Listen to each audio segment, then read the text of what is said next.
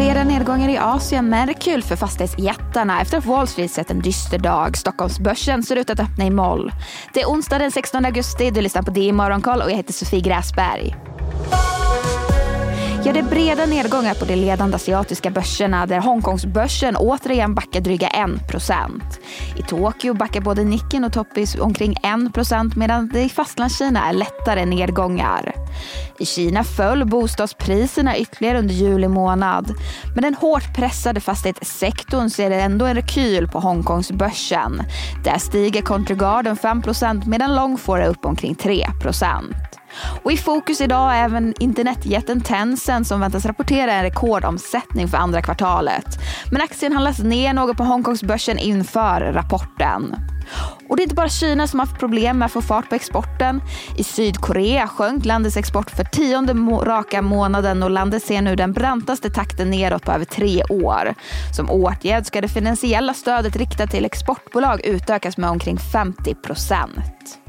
Och i Nya Zeeland lämnades styrräntan oförändrad på 5,5 procent efter att landets centralbank konstaterat att den nuvarande räntan håller nere konsumtion och därmed inflationen. Men det var dyster på Wall Street där både breda S&P 500 och tekniktunga Nasdaq backade över 1%. Det blev en tung dag för storbankerna som backade efter att kreditvärderingsinstitutet Fitch varnat för att de kan bli tvungna att nedgradera kreditbetyget för ett dussintal banker, däribland JP Morgan. Och tungt gick det för elbilsektorn efter att Tesla återigen sänkt priserna. Tesla själva backade närmare 3% men det var desto dystrare för flera av sektorkonkurrenterna. Rivian, Lucid och Nio backar alla mellan 5 och 3 men på den ljusare sidan för sektorn, Vinfast, Vietnams motsvarighet till Tesla, fick en rivstart under sin börsdebut när bolaget rusade med över 68 procent. Byggvaruhuskedjan Home Depot gick mot strömmen på en annars dyster börs och steg något på sin rapport. Bolaget slog förväntningarna vad gäller resultat per aktie och intäkter samtidigt som det återupprepade sina utsikter för räkenskapsåret. Och med dryga månaden kvar till nästa räntebesked så fick vi lite Fed-uttalanden. Fed-chefen i Minneapolis säger att han är inte redo att säga att Fed är färdiga, men att han är nöjd med utvecklingen i hur inflationen bromsar in. Sveriges så Storskogen rapporterar lägre rörelseresultat och omsättning än väntat, men försäljningen var högre än i fjol och kassaflödet förbättrades rejält. Rörelsemarginalen däremot backade med drygt 1 procentenhet till 6,4 procent. Profilklädesbolaget Newway redovisar ett högre rörelseresultat än i fjol på drygt 360 miljoner. Omsättningen är även den högre än förra året.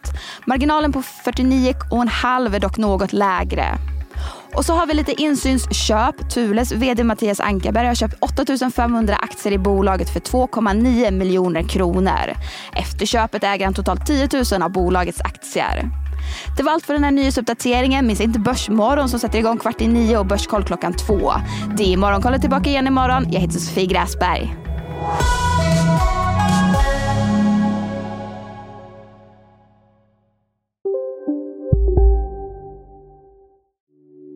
Hej, Ulf Kristersson här. På många sätt är det en mörk tid vi lever i. Men nu tar vi ett stort steg för att göra Sverige till en tryggare och säkrare plats. Sverige är nu medlem i Nato. En för alla, alla för en. Vi är specialister på det vi gör, precis som du. Därför försäkrar vi på Swedea bara småföretag, som ditt. För oss är små företag alltid större än stora och vår företagsförsäkring anpassar sig helt efter firmans förutsättningar. Gå in på swedea.se företag och jämför själv.